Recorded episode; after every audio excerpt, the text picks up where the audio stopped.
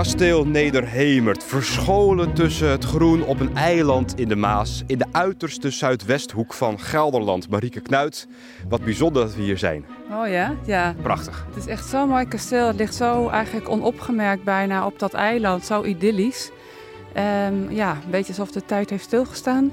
Zeven eeuwen geschiedenis heeft hier plaatsgevonden, maar die voel je hier ook echt. We lopen nu eerst even om de oudste toren. Dit is waar het allemaal mee begon. Dit is de Donjon-toren van kasteel Nederhemert. Ja, klopt. Dit is de, de oudste toren. 1300 is die hier gebouwd. Waar wij nu staan zouden we dan in de gracht gestaan hebben. Hij was vrijstaand met een brug over de gracht naar de, wat nu de achterkant van het kasteel is. Uh, dikke muren, uh, was een, nou, tegen de twee meter dik. En uh, ja, dat staat er allemaal nog. En echt om die uiterste zuidwestpunt van toen nog het graafschap Gelre te verdedigen? Ja, het ligt hier natuurlijk vlak bij de, bij de Maas, vlak bij Brabant, vlak bij Heusden. Uh, heel veel water. Uh, dus een strategische plek om hier een, uh, om hier een verdedigbaar punt neer te zetten. en dat heeft het ook wel geweten, want het is door de eeuwen heen wel vaak belegerd geweest en verwoest en weer opgebouwd en uitgebreid. en dat laat het allemaal zien. Al die sporen zijn zichtbaar.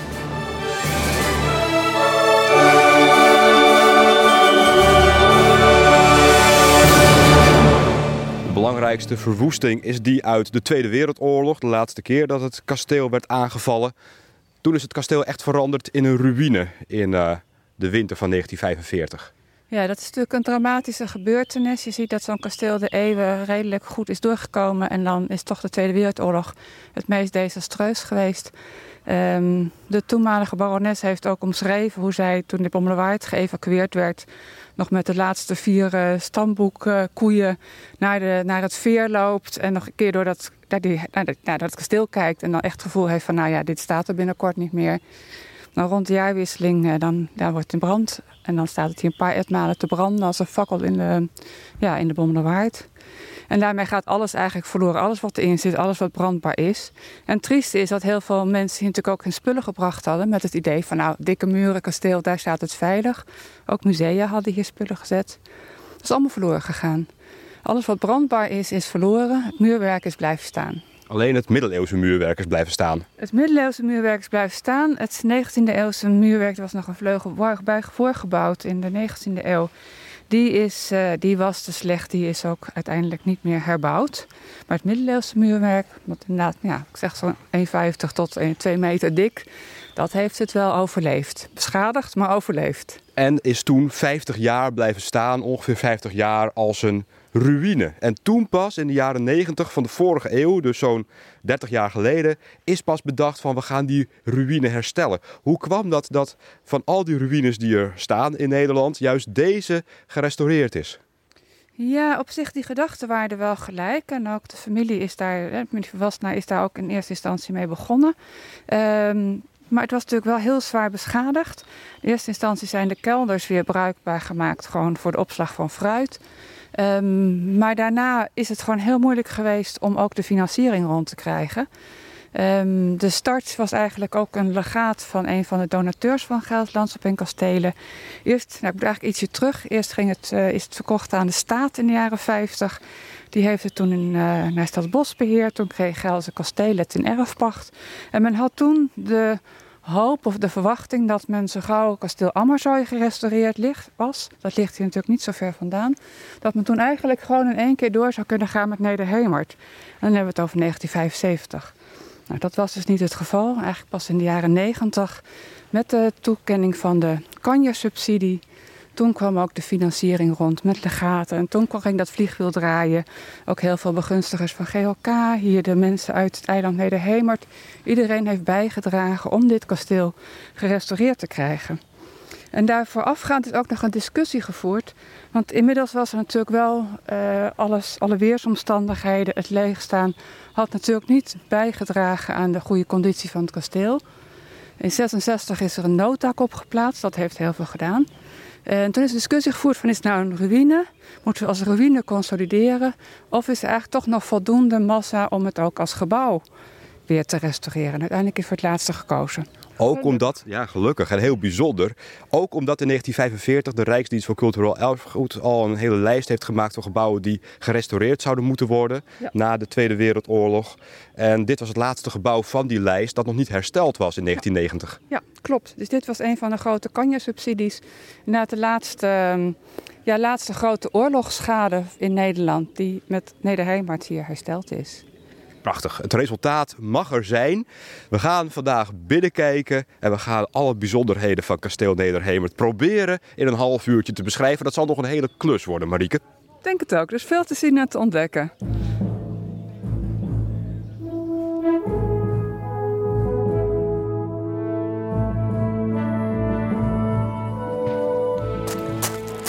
Laten we hier even beginnen nog voordat we naar binnen gaan, uh, Marieke. Want we staan nu in het grind. Dit rondje van grind geeft een toren aan aan het, uh, aan het uh, begin, aan de voorkant van kasteel Nederhemert, die niet is hersteld. Klopt. Je moet je voorstellen dat wat we zeiden, we hebben de toren, die is rond 1300 gebouwd. Al vrij snel daarna is er ook een ommuring gekomen. En eigenlijk nog in dezelfde eeuw ook de zaal die eraan vastgeplakt is. Maar de ommuring met de toren, um, die is dus eigenlijk wat we hier nu staan. Nou, we staan nu hier in die meest uh, noordoost, nee, wat ook zuidwestelijke toren. Ja. Die is ingestort, is ook niet meer hersteld. Uh, wat dat betreft is Nederhemert ook echt helemaal gerestaureerd. Volgens we gaan behouden wat er is, maar we gaan eigenlijk geen dingen toevoegen tenzij het echt ja, nodig is om het weer bruikbaar te maken. Maar het is heel terughoudend gerestaureerd wat dat betreft. Dus alles is nog in zicht gelaten en wat niet gereconstrueerd hoefde te worden, is ook niet gereconstrueerd. Maar we zien dus eigenlijk vooral het uh, gedeelte van het kasteel dat er in de middeleeuwen al was. Allerlei toevoegingen van daarna, zoals deze toren uit de 16e eeuw en de voorgevel uit de 19e eeuw, die er in 1945 nog stonden aan, ja. Uh, aan, ja, voor de brand. Die zijn niet hersteld, alleen het middeleeuwse gedeelte is hersteld. Kunnen we dat ongeveer zo samenvatten? Ja, eigenlijk wel. Daar komt het wel op neer. Uh, ja, ja. Ik zou, ja, dat is een goede samenvatting. Zullen we via de kelder naar binnen? Spannend. Ja, gaan ja? we doen. Ja.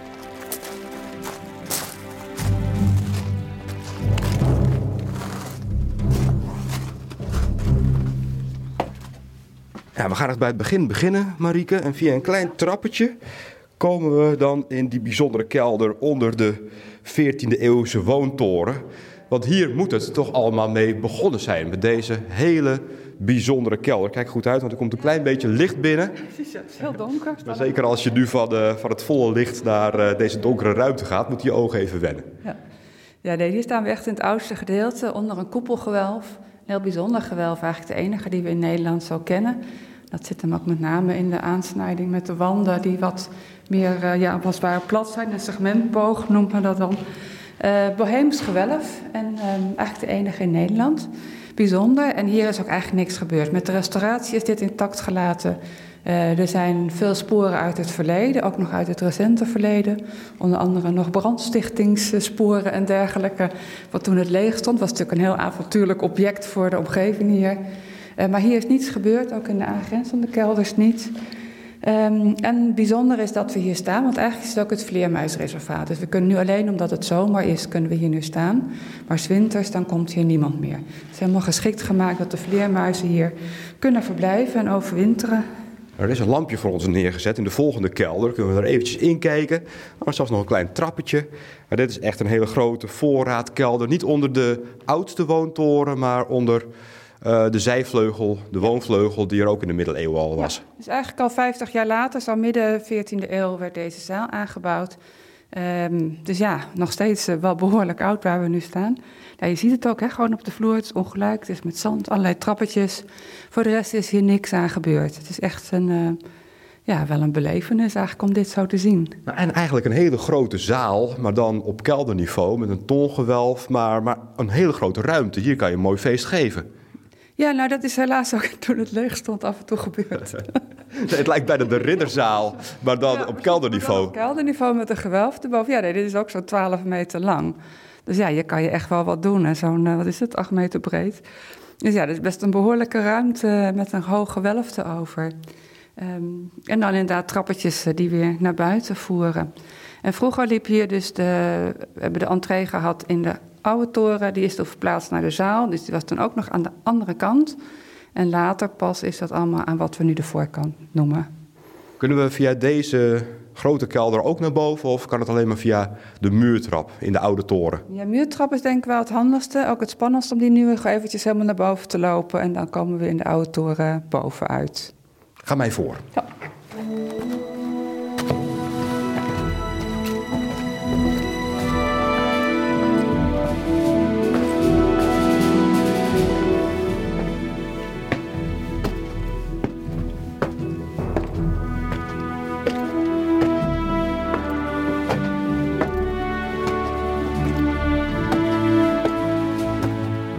Dit is zo'n typisch middeleeuwse trap. Door de muren, door de meters dikke muren. En dit heeft dus de brand en de tand destijds fantastisch doorstaan. Dit is middeleeuwen op en top. Dit is middeleeuwen op en top. Wat je inderdaad ook op meerdere, natuurlijk zoals Oma zo je ook hebben, ook van die muurtrappen die echt door de. Je moet zulke dikke muren hebben dat er een trap doorheen kan. Nou, dat was hier. Vaak zijn die ook naar de hand opgevuld. Eh, waardoor ze nog meer stabiliteit hebben. En dan komen ze met zo'n restauratie weer tevoorschijn. En dat is ook weer in het zicht gelaten waar kan. Inmiddels staan we in de, ja, de hoofdverdieping zeg maar, van de oudste toren. Hier uh, ook alle bouwsporen te zien. We zien hier ook een stukje nieuwer metselwerk. Dat was wel wat er weggeslagen was in de Tweede Wereldoorlog. Dat is gevuld. Maar die vulling is wel in zicht gelaten. Mhm. Dus ook dat is onderdeel van de geschiedenis van Nederhemert. Maar Paul, daarnaast zien we weer twee kaarsnissen. En die moeten toch wel echt uit de middeleeuwen zijn. klopt, dus dat is een leuke combinatie. Want daarnaast, ja, het zegt kaarsnissen met zo'n uh, die, die dwarse baksteen waar je zo'n puntje krijgt. Uh, maar ook de waterput zit hier. We zien de oude poorttoegang in het metselwerk terug. Um, nou ja, inderdaad natuurlijk de muurtrappen. Um, en die put ja, is misschien wel een grappig verhaal. Die werd ook met de restauratie blootgelegd. Uh, en de metselaar die begon eerst gewoon even met een schepje te scheppen. Elke keer moest de ladder verlengd worden, totdat hij uiteindelijk acht meter lager uitkwam. En toen zijn ze gestopt, want dan werd het gewoon te riskant om nog uh, in zo'n 75 uh, centimeter diameter uh, acht meter lager te staan werken. Dat was niet meer verantwoord. Maar helaas niet echt allerlei vondsten uitgekomen. Dat was een beetje de hoop. Wat ik wel heel bijzonder vind aan deze hele oude ruimte, is uh, dat het uh, kasteel nu verhuurd is aan een bedrijf. En ja, ze hebben het heel uh, mooi ingericht, vind ik. Heel modern.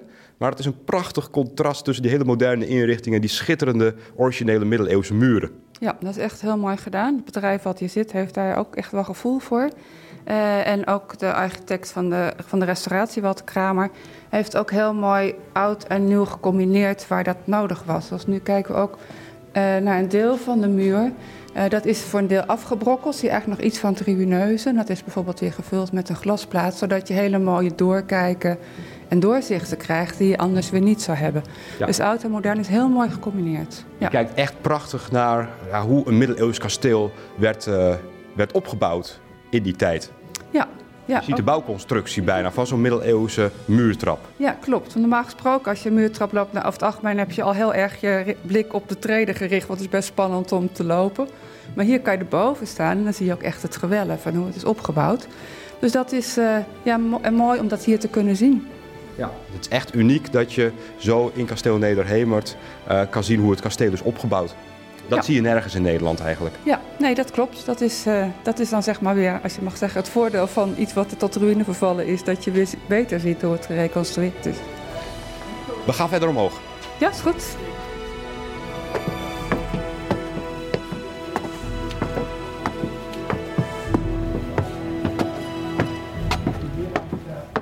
Via de muurtrap die eigenlijk dus nog helemaal... Wat zei je Marieke? Hier zie je ook nog zo'n tree in het zicht met de brandsporen. Die is helemaal zwart geblakerd. Dat is nog een, um, een trede van de, van de brand. Die is in het zicht gelaten. Ja, want verder is er uh, wat hout overheen gelegd over de trap, zodat het wel wat gelijk is om overheen te lopen.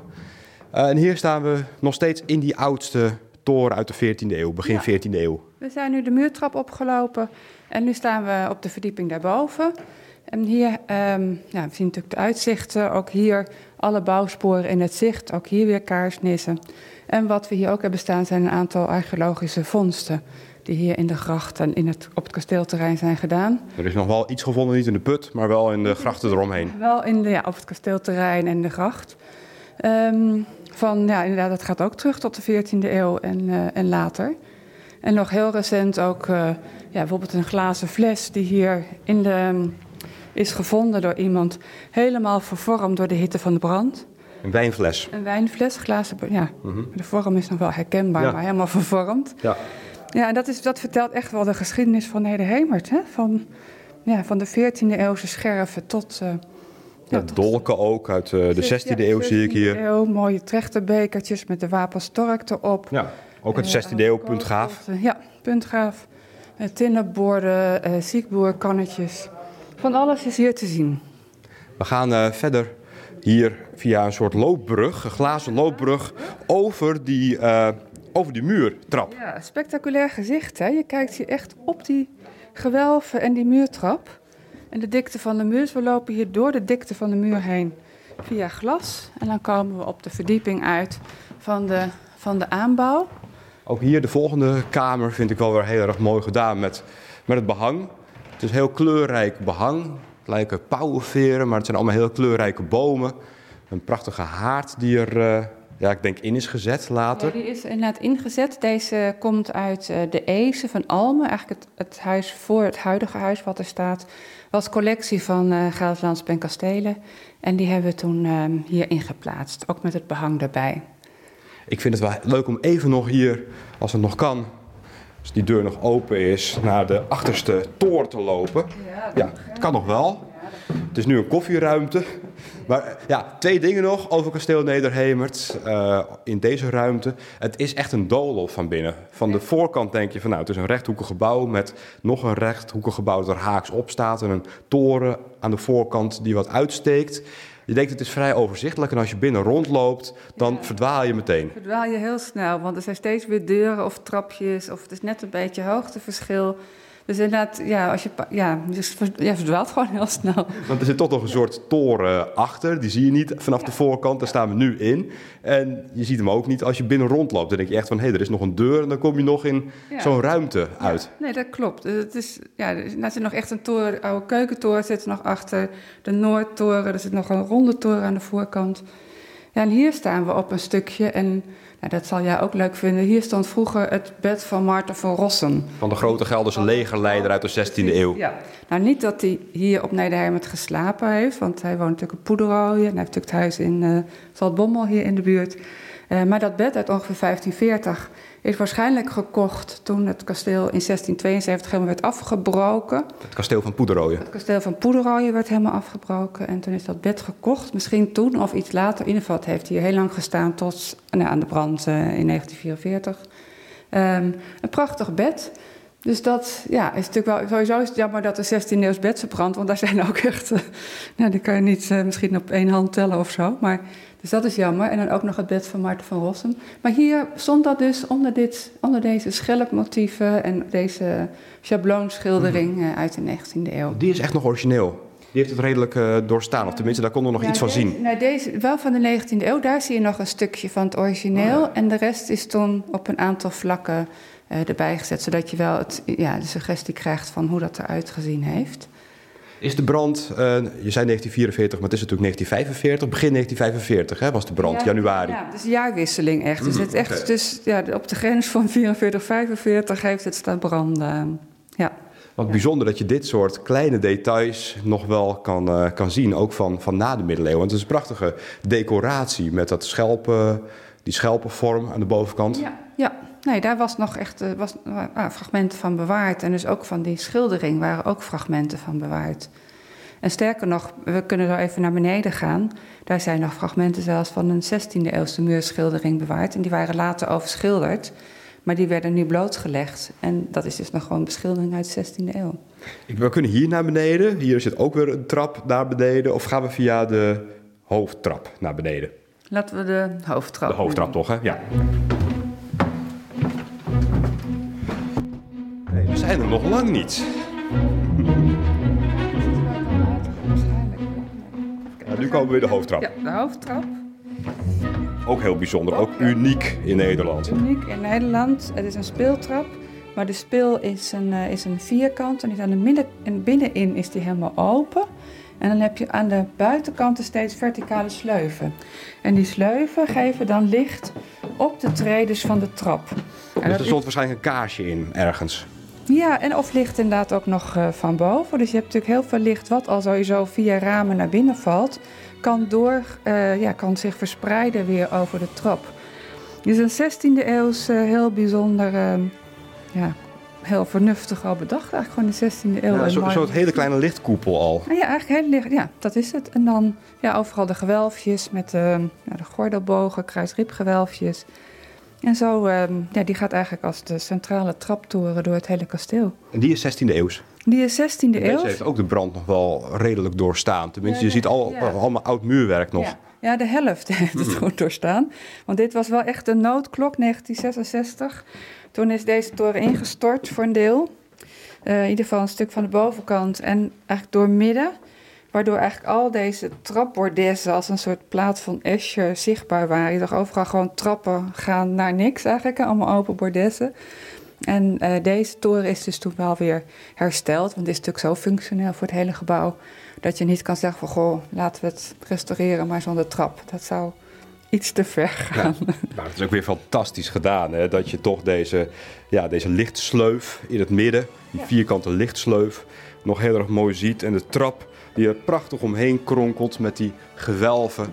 Ja, ik vind het echt misschien wel het mooiste restauratieproject van Nederland ooit, Kasteel Nederhemert. Nou, ik ben het ook wel met je eens. Ook wat hier gedaan is, is zo. Alles wat maximaal behouden kon worden, is maximaal behouden. Het, het vertelt zijn hele geschiedenis, het vertelt zijn hele verhaal. En waar het nodig is, is er een hele mooie nieuwe toevoeging bedacht. Die ook gewoon heel, ja, heel mooi doordacht is. Dus het is, ja, ik vind het ook wel echt een prachtig project dit.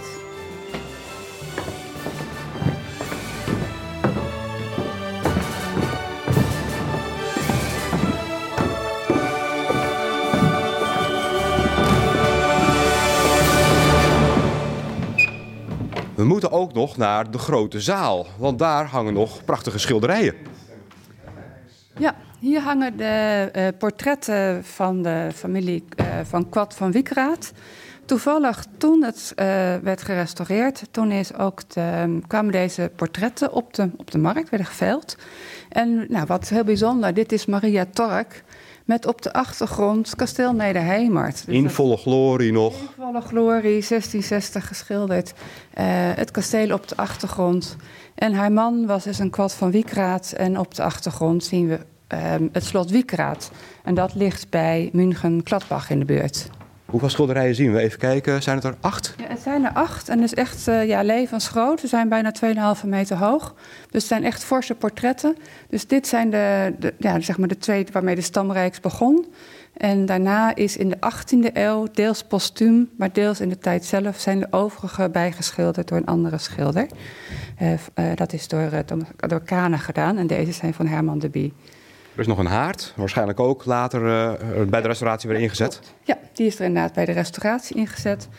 Ehm, en bij de restauratie kwam dus ook wat eigenlijk de vroegere toegang was uit de middeleeuwen. Die is in de 16, dus de, is dat verplaatst. En toen is in de 16e eeuw van die oude toegang, als het ware, wat uitstak, soort erker, ik kan het best omschrijven, is de kapel gemaakt.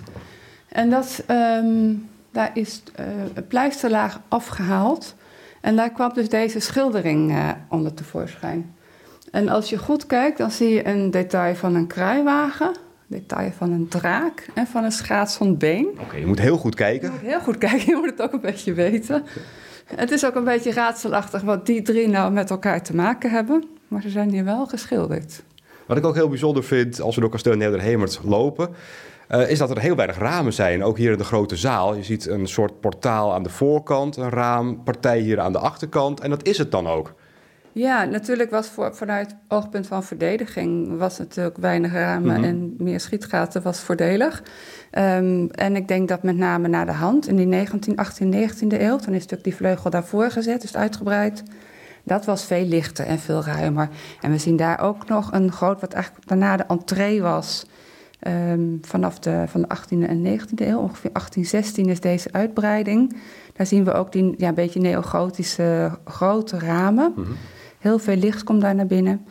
Ehm, en toen was het natuurlijk wel een andere sfeer. Maar we zien ook inderdaad dat de huidige gebruiker, die hier dus ook kantoorruimte heeft, die heeft deze muren heel zondaggeel geschilderd. ja, maar het middeleeuws karakter blijft op allerlei manieren in stand. Niet alleen door de muren, maar ook door het uh, ja, hele kleine aantal ramen dat in het kasteel is, is aangebracht. Ja, nee, er is nergens twijfel of je in een middeleeuws kasteel bent. Je ziet het, overal komt het terug en voel je het.